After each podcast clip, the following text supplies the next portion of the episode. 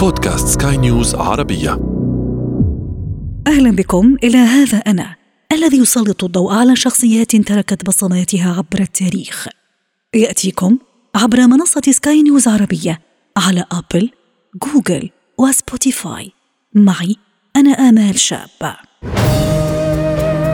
هذا أنا هذا أنا هذا أنا.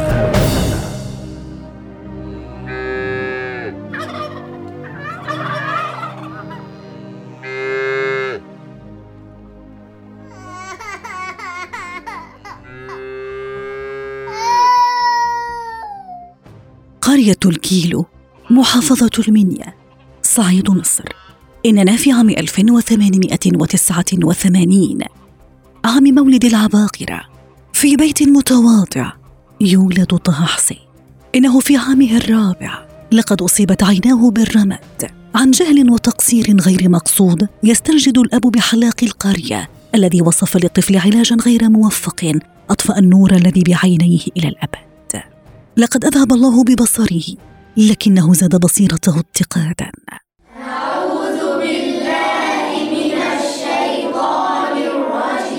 في كتاب القرية يظهر الطفل طه تفوقا في تعلم الحساب واللغة العربية وحفظ القرآن الكريم. والسماء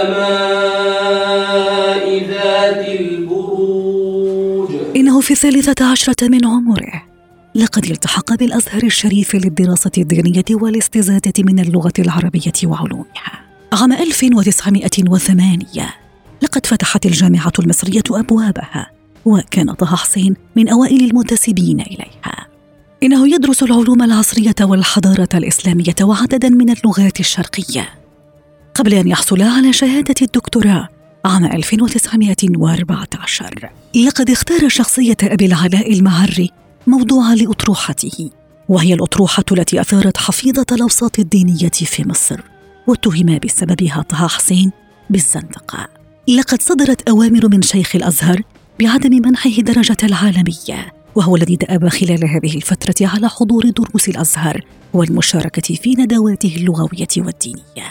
والعالمية درجة تمنحها جامعة الأزهر وهي معادلة لدرجة الدكتوراه.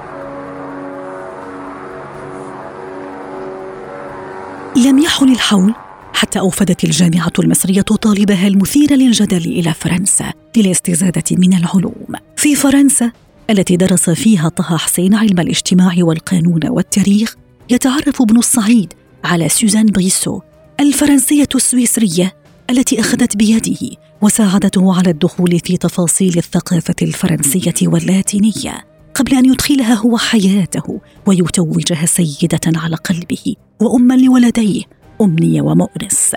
وهي التي قال عنها إنه منذ سمع صوتها لم يعرف قلبه الألم. نورت مصر يا بيه. إننا في عام 1919 عاد طه حسين إلى مصر. إنه يبدأ رحلته المهنية كأستاذ للتاريخ اليوناني والروماني في الجامعة المصرية. قبل أن يعين أستاذا لتاريخ الأدب العربي ثم عميدا لكلية الآداب. طه حسين الذي سيشغل منصب وزير للمعارف يقر مجانية التعليم ويؤسس جامعة عين شمس ويسهم في تأسيس جامعة الإسكندرية التي أصبح أول مدير لها. وهو الذي تنقل في هذه الفترة بين صحف محلية عدة. إنه يدعو لنهضة أدبية تنقل الحركة الفكرية والثقافية من دائرته الضيقة التي هو فيها إلى مستوى أوسع وأرحب بكثير. كذلك يدعو طه حسين لاتباع المنهج التجديدي في التدريس. أسأل الله أن يمنحني من الصحة ما يمكنني من إتمام هذا الكتاب ومن إتمام كتاب الأيام إذا أمكن هذا أيضا. بين كتاب الأيام الذي تناول سيرته الذاتية بأسلوب بارع وكتاب في الشعر الجاهلي الذي قدم أسلوبا نقديا جديدا للغة العربية وفتح عليه سيلا من الانتقادات. قادها بعض رجال الأزهر الذين شككوا في إيمانه. يمضي طه حسين في مخاطبة من سماهم المستنيرين. هم الذين قال عنهم إنهم عدة المستقبل وقوام النهضة الحديثة وذخر الأدب الجديد. وكم تلقيت كتب التهديد بالقتل من أجل كتاب.